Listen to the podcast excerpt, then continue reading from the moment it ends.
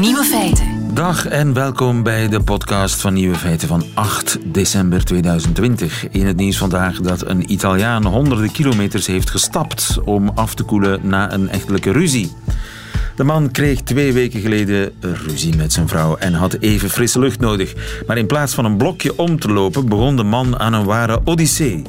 Hij vertrok thuis in Como, in het noorden van Italië, en kwam een week later aan in Fano, bij San Marino in het midden van Italië. Totale afstand 450 kilometer. Op de sociale media is de man een held. De Italiaanse Forrest Gump wordt hij genoemd. De originele wandelde in de film Forrest Gump duizenden kilometers dwars door Amerika. Glansrol voor Tom Hanks 26 jaar geleden. Maar die glamour kan de man gestolen worden. Want toen de politie hem vond, kreeg hij namelijk een boete van 400 euro voor het overtreden van de coronamaatregelen. En dan moet hij nog zijn dodelijk ongeruste vrouw thuis nog trotseren. Ja, sterkte. De andere nieuwe feiten vandaag. De Noordzeebodem die was vroeger bezaaid met keien. Het AstraZeneca-vaccin is niet zondig, zegt het Vaticaan. Airbus wil binnen vijf jaar een prototype vliegtuig op waterstof klaar hebben. En Vlaamse kinderen scoren opvallend slecht in wetenschappen en wiskunde. De nieuwe feiten van Katrien Zwartenbroeks krijgt u in haar middagjournaal. Veel plezier. Nieuwe feiten. De bodem van de Noordzee is op 100 jaar tijd helemaal veranderd. Krien Hansen, goedemiddag. Goedemiddag. Krien, je bent beleidsmedewerker Natuurpunt Noordzee. Eind september Mhm, gooide de Engelse tak van Greenpeace een paar grote rotsblokken in de Noordzee. Tot groot afgrijzen van de vissers en ook van eh, een paar Engelse politici. Wat vond jij daarvan? Wel, ik ga nu geen uits- niet direct een uitspraak doen over de actie van Greenpeace. Elke NGO heeft zijn eigen DNA, zeg ik altijd, en zijn, zijn eigen manier van werken.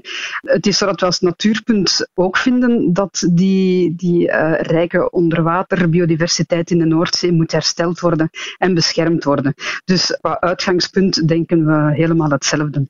Want het is inderdaad, zoals je zegt, ehm, het is 100 jaar geleden ehm, was er een, heel rijke natuur onder water in de Noordzee. Nu heel moeilijk voor te stellen voor de meeste luisteraars.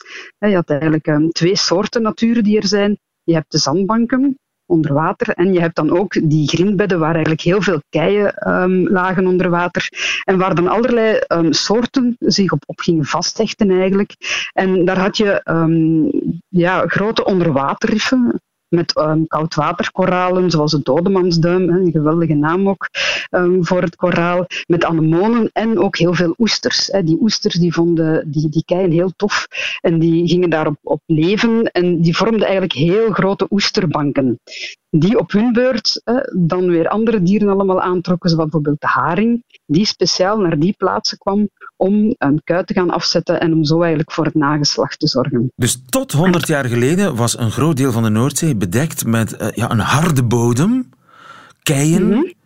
oesterriffen, hier en daar een zandbank. Maar in principe was de bodem van de Noordzee keihard. Allemaal blokken, rotsblokken. Dus die actie van Greenpeace was helemaal niet zo van de pot gerukt, omdat de zee was vroeger alleen maar rotsblokken. Een Nee, niet deel. helemaal. Hè. Dus een deel, een deel van de Noordzee. En dan heb ik niet alleen over het Belgische deel van de Noordzee, maar eigenlijk de ganse Noordzee, ook Britse wateren, Nederland, eh, Denemarken en Duitsland. Daar waren ook eh, één, één grote, ja, er waren die grindbedden, die, die waren daar. Ehm, in het Belgische deel van de Noordzee ehm, is, zijn het vooral de zandbanken die, die het grootste deel van, van ons stukje innemen eigenlijk. En hebben we nog een paar plaatsen waar er nog kleinere standjes zijn van die grindbedden. Ja. En ehm, Natuurpunt, samen met WWF België trouwens, wij zijn al eh, jaren aan het ijveren om ook in het Belgische deel van, van die Noordzee, om daar ook terug die grindbedden te gaan herstellen. Maar En de vissers zien dat het- natuurlijk niet zitten, want voor hen is dat heel vervelend, want die, die netten raken daarin verstrikt, neem ik aan. Wel, het klopt en dat is, het is zelfs levensgevaarlijk um, voor, voor een visser als hij in zo'n gebied zou, zou, zou vissen, omdat um, de, de bodembroerende visserij, die sleepnetten die op dit moment gebruikt worden, aan elke kant van het schip hangt zo een net. En als er natuurlijk in één van die twee netten een, een zwaar voorwerp um, vast komt te zitten, ja, dan heb je groot risico dat je schip kan, kan capseizen. En dat is in het verleden is dat wel gebeurd. Dus in, in die zin is het inderdaad gevaarlijk voor de vissers. Nu, het is zo dat uh, mochten we um, die grindbedden terug herstellen, en um, dan moeten we natuurlijk heel duidelijk, het kan heel duidelijk aangeduid zijn waar dat die, die, die natuurgebieden dan zijn, dat de vissers daar dan buiten blijven, gaan ze daar op termijn ook voordeel aan hebben. Zoals ik al zei vroeger. Ah ja, maar het is een kweekplaats die... voor, voor haringen. Onder andere, ja. Vroeger was het inderdaad voor haring. Nu alles verandert. Met de klimaatverandering is natuurlijk ook het leven onder zee wel, wel wat aan het veranderen. En het is moeilijk in te schatten of dat die haring daar terug zal komen, maar misschien wel andere soorten. Dus in die zin hebben ook vissers, zouden zij er um, ja, ook winst en profijt mee doen als we terug natuurgebieden kunnen inrichten bij ons in, in de Noordzee, waar je dat natuur en dat natuurherstel echt centraal stelt en waar er geen andere activiteiten zijn. Maar hoe is die, die zeebodem dan veranderd? Wie heeft die grind daar weggehaald? Wel, het is een, ja, een beetje samenloop van omstandigheden geweest. Hè. Ik zei, die, die grindbedden, daar begonnen op een duur ook oesters op te groeien. En dat je heel rijke oesterbanken. Oesters zijn lekker. En um, ja, jammer genoeg gebeurt het dan heel vaak dat er dan te veel wordt geoogst. Hè. En dus er zijn eigenlijk heel veel um, oesters geoogst. En, en die oesterbanken zijn, zijn leeggeroofd, bij wijze van spreken. En is eigenlijk heel dat systeem, dat ecosysteem, is eigenlijk in elkaar gevallen. Waardoor dat je op den duur alleen nog maar losse keien over hebt. Omdat al het leven wat daaraan aan vasthangt, dat, dat, kon niet meer, dat kon niet meer leven eigenlijk, omdat die samenhang weg was. En als die dan die losse keien daar op de zeebodem liggen, ja, dan zijn die gevaarlijk voor de vissers. En zijn vissers, van het moment dat zij zagen dat er een plek was met veel keien, zijn ze die ook actief gaan beginnen opvissen en, en mee aan wal brengen om het risico voor hun te verminderen. Maar er zou dus sprake kunnen zijn van een win-win situatie als we de bodem van de zee gedeeltelijk herstellen. Ja, klopt. En ook met rust laten. Hè? Want het, is natuurlijk, zijn twee voorwaarden. Omdat we het hier uh, in het Belgische deel van de Noordzee zo ver hebben laten komen dat, dat er amper nog natuur is eigenlijk, moeten we inderdaad ook gaan herstellen. Moeten we actief uh, dingen gaan doen om ervoor te zorgen dat die, dat die natuur er terug kan groeien en dat je daar terug een gezond ecosysteem hebt. En dan moet je natuurlijk ook ervoor zorgen dat alle negatieve activiteiten dat die daar wegblijven. En dat is dan, als we het over die grindbedden hebben, dan is visserij een, een, activiteit die dat daar dan zou moeten wegblijven. Maar ook zandwinning uh, moet dan uit dat gebied weg. Um, en baggeren. Hè. Er zijn verschillende activiteiten die je dan eigenlijk uit dat gebied moet, moet verwijderen. Zodat de natuur daar dan zijn gang kan gaan. Ja. En de vissers zullen dan eigenlijk ja, bij wijze van spreken de eerste zijn die dat daar ook van kunnen profiteren. Maar dat duurt natuurlijk wel een tijdje. Hè. Dat is niet op uh, twee, drie jaar dat daar uh, terug heel veel vis zal zitten. Dat zal ja, misschien wel tien jaar duren, of, of vijftien jaar, vooraleer dat je daar die, die positieve effecten ook van zal zien. Ja, daar zijn uh, moedige beslissingen voor nodig. Krien Hansen van Natuurpunt Noordzee, dankjewel. Goedemiddag. Goedemiddag. Radio 1. Nieuwe feiten.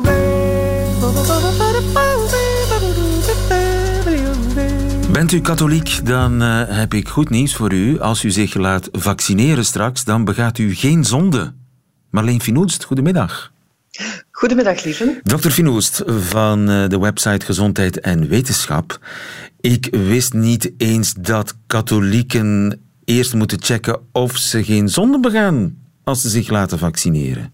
Nee, nee, dat moeten ze ook niet natuurlijk. Maar het is zo dat in bepaalde vaccins cellen van menselijke oorsprong gebruikt worden, cellen die ooit gekweekt zijn op fetaal weefsel na zwangerschapsafbreking. Dus daar, hè, dat is iets op dit moment heel erg aan het rondgaan op sociale media. Een van de coronavaccins, namelijk dat van AstraZeneca, zou een cellijn gebruikt zijn die ooit afkomstig was van een geaborteerde foetus. Vandaar, vandaar de ophef. Oké, en vandaar dus dat de bisschoppenconferentie van Engeland en Wales uh, katholieken, verontruste katholieken geruststelt. Wie zich laat vaccineren begaat geen zonde. Er was twijfel gerezen absoluut. omdat voor de ontwikkeling van het AstraZeneca-vaccin celweefsel is gebruikt dat afkomstig is van, van een cellijn van een foetus die in 1983 is geaborteerd. Ja. En uh, dus moest de Congregatie voor de Geloofsleer en de Pauselijke Academie voor het Leven zich over die kwestie buigen. Ja, en dat hebben ze gedaan en met een heel positieve boodschap, namelijk ze zeggen van kijk, dat gaat over weefsel dat ooit is afgestaan door ouders, met toestemming van de ouders na een legale zwangerschapsafbreking. Om welke reden weten we niet. Die ouders hebben dat in de jaren tachtig afgestaan in een laboratorium in Nederland. Men heeft daaruit dat afgestaan weefsel de longcellen gehaald. En men kweekt die op. Men kweekt die nog altijd op. Hè. Men, men gebruikt die nog steeds, die cellijnen, en er zijn er zo enkele, waarop men dan, die men gebruikt voor de productie van virussen die men nodig heeft voor vaccins. Het is niet zo dat je... Um, ja, voor vaccins heb je virussen nodig. Vaccins die, die tegen een bepaalde virusziekte, eh, bijvoorbeeld rode hond, ik zeg maar wat, of, of hepatitis A, die zijn, daar heb je een viruskweek voor nodig. En, uh, want in veel vaccins zitten afgezwakte virussen. En die virussen kan je kweken op dierlijke cellen, maar niet alle virussen groeien goed op dierlijk celmateriaal. En soms heb je menselijk celmateriaal nodig. En dan maakt men soms gebruik van, ja, van cellijnen afkomstig van geaborteerd weefsel, afgestaan met toestemming van de ouders. Waarom maakt men geen gebruik van ander menselijk weefsel? Omdat dat geaborteerd weefsel is natuurlijk zeer zuiver. Dat is nooit in aanraking geweest met virussen en dus dat, is dat zijn zuivere cellijnen en die worden, we hebben er enkele vanuit de jaren 60 en we hebben er nu ook vanuit de jaren 80. Er zijn er een drietal nog die gebruikt worden wereldwijd. Er zijn al tonnen cellen van, gekweekt, ooit afkomstig van, die, ooit van, die van dat geaborteerd weefsel. Maar die bisschoppen zeggen hier van kijk, dat is zo ver weg van die abortus, die cellen die vandaag gebruikt worden in die kweekbodems, hebben al lang niks meer, hebben nooit in een, in een uh, foetus in een gezeten, gezeten, zeg maar. Zeg maar. Dus voilà, hebben nooit in een zwangere buik gezeten, dus dat is zo ver af. Het is absoluut geen zonde. Meer nog, ze zeggen van kijk, gebruik het, gebruik, laat u vaccineren. Uh, wanneer die covid-vaccins, die coronavaccins beschikbaar worden, laat u alstublieft vaccineren. Bescherm daarmee ook de andere beschermde zorgverleners. Dus dat vind ik een heel mooi gebaar van de katholieke kerk. En het stelt ook wel mensen gerust van kijk, je moet uitleggen van hoe is dat? Hè? Want als je, wat je nu ziet, uh, trending ziet op uh, social media, dat is dan uh, vaccins worden gemaakt van geaborteerde foetussen. Nou, je ziet, je snapt dat dat heel ver af is. Dus ze zeggen of tegen de mensen van kijk, ofwel gebruik je het, laat je je vaccineren, maar wil je dat niet, je wordt niet verplicht, ga dan in self-isolation, ga in quarantaine. Dus ja, goed. Dat is de boodschap van de bisschoppen. Maar dat zijn dus foetussen die jaren geleden zijn geaborteerd en afgestaan. Die, die, dat is de bron van een enorme celkweek. Kan dat eindeloos doorgaan? Ja. Ja, men kan dan heel makkelijk verder opkweken. Dat kan inderdaad eindeloos doorgaan. En daar zijn al tonnen gemaakt van die enkele grammen uh, die men ooit, uh, waar men ooit van vertrokken is. Ja, dat is vrij makkelijk om dat uh, in, in, in culturen te houden eigenlijk. Ja. ja en... Nu, u weet, dus niet, men gebruikt ze dus voor de bodems om die virussen op te kweken, niet voor de vaccins zelf. Men zuivert eigenlijk het het menselijke, die cel, die gekweekte cellen, die zuivert men uit de vaccins. Maar natuurlijk, bij zo'n zuiveringsprocessen, er blijft altijd wel wat nanogrammen kunnen er theoretisch in die vaccins zitten. Ja. En dat doet natuurlijk katholieke wenkbrauwen fronsen. In principe uh, kan de katholieke kerk ook die gang van zaken niet goedkeuren, maar aangezien er nu zo'n morele afstand is tussen de abortus en, en, en, de maak van uh, het vaccin, en aangezien het vaccin zo belangrijk is, uh, is het Vaticaan bereid om een uitzondering te maken. Ja, en men, gaat, men, gaat, men doet dat ook niet meer tegenwoordig. Hè. Dat zijn dat is van 30, 40 jaar geleden die, dat die cellijnen zijn vertrokken. Tegenwoordig doet men dat niet meer. Maar goed, die cellijnen zijn nog voorhanden en zijn heel nuttig om bepaalde virussen op te kweken. Dus ja. ja. Helder, dankjewel Marleen Finulst. Goedemiddag. Graag gedaan.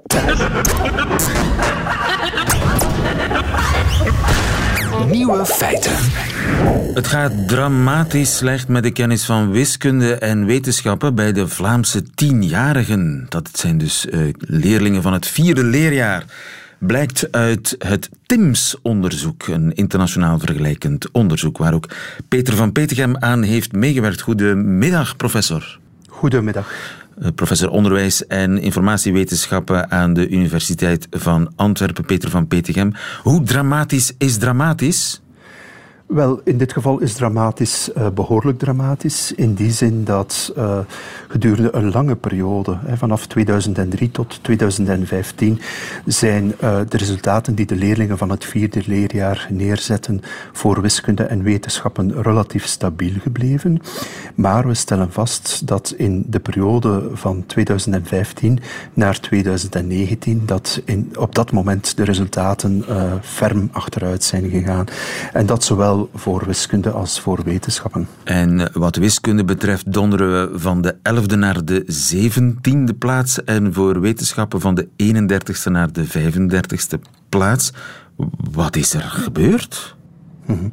Ja, wat er gebeurd is, is dat uh, bij de toetsen van 2019 de resultaten uh, van de leerlingen niet uh, goed zijn en minder goed zijn dan die van 2015. En hebben enig idee waar dat kan aan liggen? Wel, uh, enig idee, dat vind ik een, uh, een, Dat is de vraag van 1 miljoen. Tegelijkertijd vind ik het ook een, uh, een delicate vraag, omdat het antwoord op die vraag kan nogal snel leiden tot simplismen en eenvoudige oplossingen. En helaas is het in onderwijs zo dat om zoiets te verklaren er een complex geheel van factoren een rol speelt. En dat kan gaan van wat gebeurt er bij de leerling thuis en in welke mate is er daar ondersteuning naar wat gebeurt er in de klas, hoe is de kwaliteit van de instructie, uh, in welke mate wordt er tegemoet gekomen aan verschillen tussen verschillende leerlingen. Maar dat kan ook te maken hebben met factoren op het niveau van de school. Hè. Hoe, hoe, sterk is de school in haar beleidsvoering op vlak van wiskunde bijvoorbeeld? Ja. Of dat kan te maken hebben met um, factoren op het niveau van het systeem. En je zit met dat samenspel dat uiteindelijk dit resultaat heeft. Uh, dat, dat dit als resultaat geeft. Maar het kan natuurlijk altijd zijn dat de andere landen fel verbeterd zijn, dat wij gelijk zijn gebleven. Hebben we daar enig idee van? Mhm. Ja, daar hebben we inderdaad uh, een idee van. Het is zo dat in 2003, hè, toen Vlaanderen ook participeerde aan dit onderzoek, uh, was Vlaanderen nog kampioen op vlak van wiskunde. Hm? En uh, op vandaag stellen wij vast dus dat wij ja, weggezakt zijn in, in, die, in die ranking, terwijl er andere landen zijn, ik denk bijvoorbeeld aan Engeland, maar ook Nederland en Oostenrijk, die er in diezelfde periode op vooruit zijn gegaan. Wat dus betekent dat er wel instrumenten voorhanden zijn om aan de kwaliteit van onderwijs iets te gaan doen. En als we dan naar de leerlingen zelf kijken, zien we daar een verschil tussen een, een sterke groep. Is er een grote kloof bijvoorbeeld tussen een sterke groep en, en een zwakke groep? Of gaat iedereen even fel achteruit? Ja, ja uh, het is zo dat uh, wij hebben onder meer gekeken naar de sociale achtergrond van uh, de leerlingen. En wat stellen wij vast? Dat is dat er een duidelijke samenhang is tussen de sociale achtergrond van de leerling en de resultaten die die neerzetten. Als je bijvoorbeeld leerlingen uit een, een sterk sociaal milieu bevraagt, of die groep, het gemiddelde van die groep bedraagt in TIMS punten uitgedrukt 567, terwijl de leerlingen uit laag sociaal-economische achtergrond daar bedragen uh, TIMS resultaat 472. Dus dat is een verschil van 53 punten. Dus in Vlaanderen stellen we vast dat er nog altijd een samenhang is tussen de sociale achtergrond van leerlingen en de resultaten die zij neerzetten. Ja. We dus de rol van de school als gelijkmaker, als degene die je uit het sociale moeras kan trekken, als het ware, die, die rol speelt die school minder en minder. Wel, we weten uiteraard niet of ze de rol minder en minder speelt. We kunnen het alleen aan de uitkomstzijde bekijken. Want stel dat er niks zou gebeurd zijn op dat vlak, ja, dan, dan weten we niet hoe de resultaten er hadden uitgezien. Maar we stellen inderdaad vast dat in de loop van de tijd de verschillen tussen de sterkst presterenden en de zwakst presterenden nog toeneemt. En het is zo dat als je die verschillen dan bekijkt, dat die vooral op rekening van de zwak presterenden zit. Die groep neemt toe. Die groep breidt uit. Terwijl als je gaat kijken naar de sterk presterenden, stellen wij vast dat uh, de resultaten daarvan uh, niet uh, toenemen in de loop van de tijd. En ook de omvang van die groep die neemt niet toe.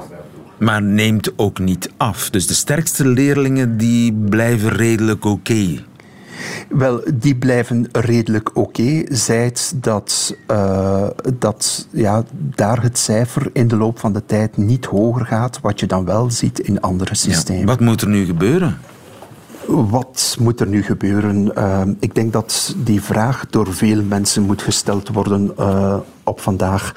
Ik denk dat uh, dit een bijzonder belangrijk signaal is. Dit is een alarmsignaal voor het Vlaamse onderwijs. En ik denk dat met vereende krachten er moet gekeken worden van hoe gaan we dit gaan aanpakken. De minister uh, heeft, heeft daarin uh, bepaalde keuzes gemaakt. Hè.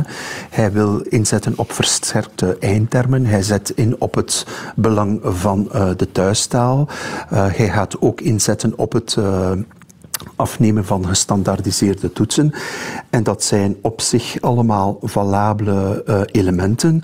Maar of ze daarom een garantie zijn voor de kwaliteit van onderwijs of voor de verbetering van de kwaliteit van onderwijs, dat is nog maar een ander paar mouwen. Ja. Hm? Bijvoorbeeld, die toetsen die hebben we echt wel nodig om een soort van, van health check te kunnen doen zodanig dat we weten hoe we ervoor staan. Maar die toetsen zijn slechts een onderdeel van een kwaliteitszorgsysteem. Het is niet de toets aan zich die met zich mee zal brengen dat de kwaliteit van onderwijs zal uh, verbeteren. Maar op die manier gebeurt de monitoring op een meer systematische manier ja. dan nu het geval is. Dat is al een uh, eerste stap, maar het zal voornamelijk uh, bij de opleiding liggen misschien van het onderwijzend personeel en de begeleiding daarvan. in ieder geval een ferme wake-up call dit TIMS onderzoek. Professor Peter van Petegem, dankjewel. Goedemiddag. Dankjewel, tot later. Dag. Nieuwe feiten. Vliegen we binnen een jaar of vijf allemaal op waterstof in plaats van op kerosine? Ivan Bekuwe, goedemiddag. Goedemiddag. U bent uh, opleidingshoofd luchtvaart bij de Hogeschool Vives. Mm -hmm. ja. Airbus geeft zichzelf vijf jaar de tijd om een vliegtuig te bouwen dat niet op kerosine, maar op waterstof vliegt en dat commercieel rendabel is. Dat klinkt als de grote revolutie. Dat zijn de torenhoge ambities van Airbus. Is dat realistisch? Ik denk dat zij met overtuiging een prototype kunnen produceren. Maar om dat dan commercieel onmiddellijk haalbaar te maken, denk ik dat ze daar een beetje een stap te ver zijn dat zal een beetje te ver gaan. En zijn zij koplopers of zijn er nog andere bedrijven bezig met het bouwen van een vliegtuig dat op waterstof vliegt?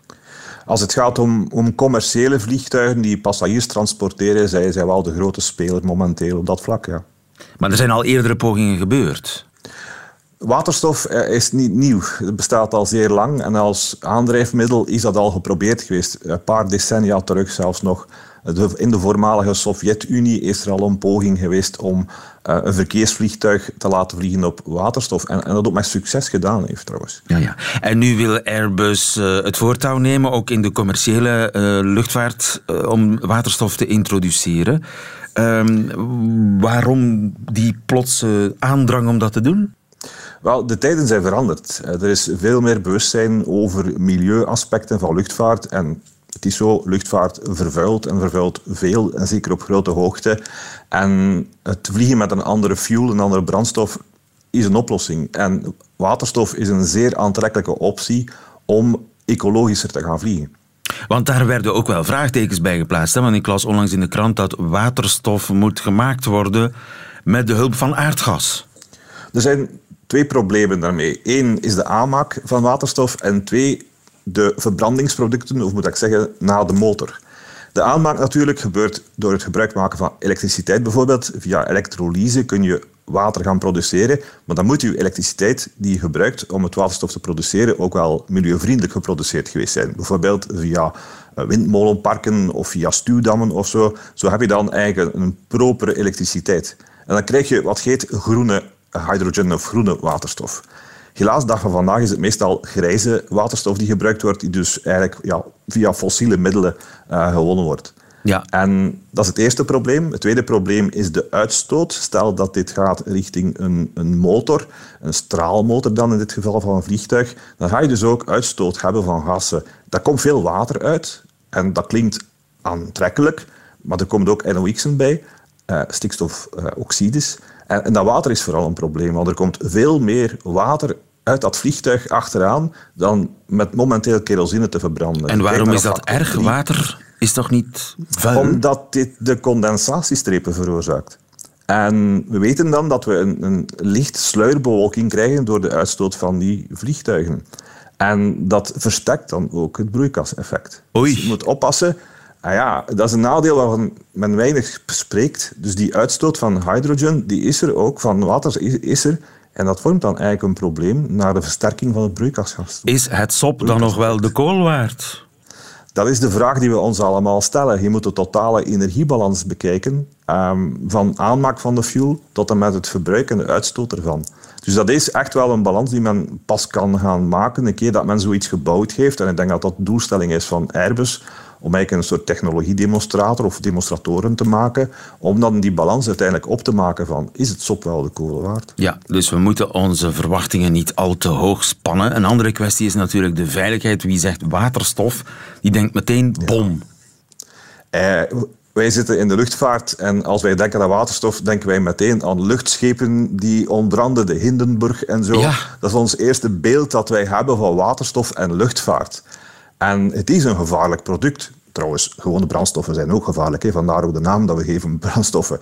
Um, maar de nodige veiligheid moet in acht genomen worden. En ja, je moet dan kijken naar speciale leidingen, speciale kleppen en de opslagtanks uh, met de nodige veiligheid voor die waterstof in op te bergen. Ja, dus dat is een kwestie van beveiliging van de tanks, de motor zelf. Hoe werkt dat? Is dat echt rechtstreeks een waterstofmotor? Of is er dan je, eerst... Kan, je kan een klassieke straalmotor gaan ombouwen.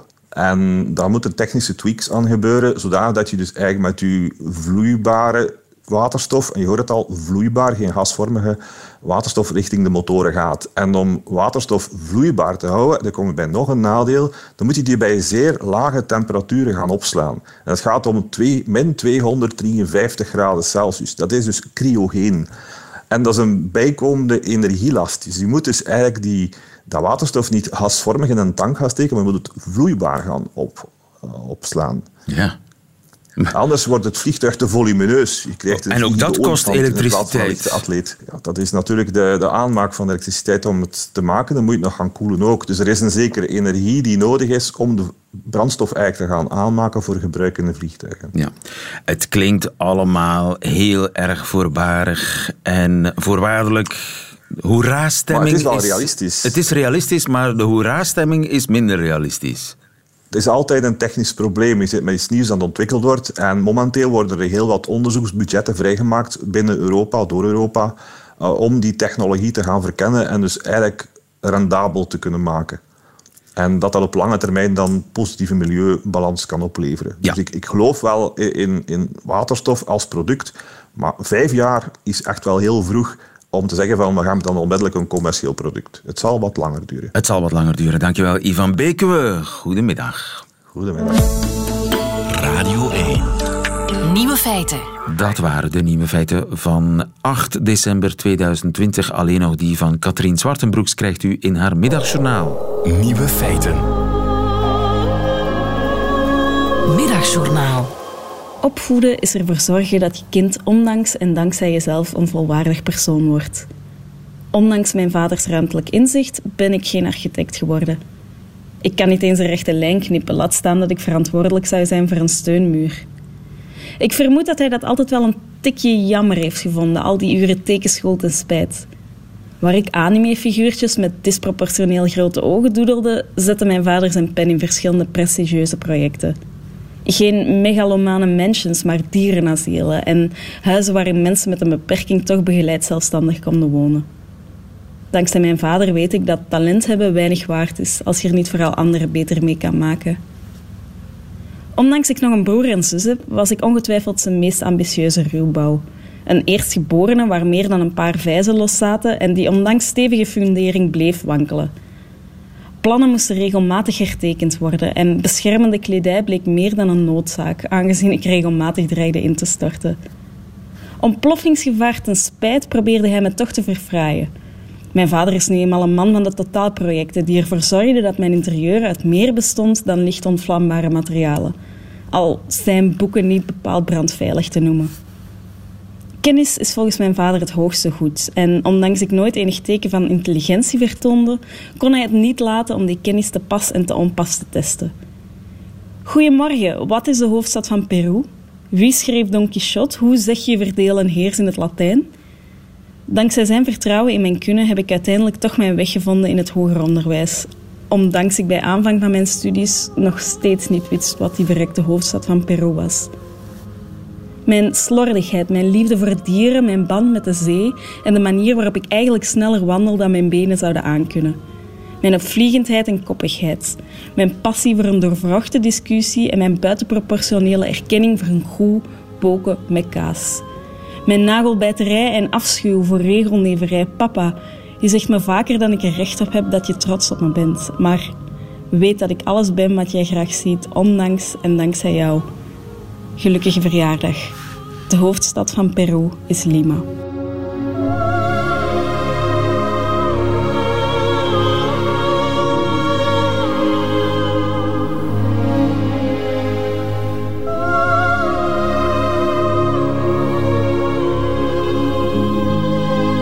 Middagjournaal met Katrien Zwartenbroeks. Einde van deze podcast hoort u liever de volledige uitzending van Nieuwe Feiten met de muziek erbij. Dat kan natuurlijk ook als u surft naar radio1.be of gebruik maakt van de gloednieuwe Radio 1 app. Daar vindt u overigens nog veel meer fijne podcasts. Tot een volgende keer.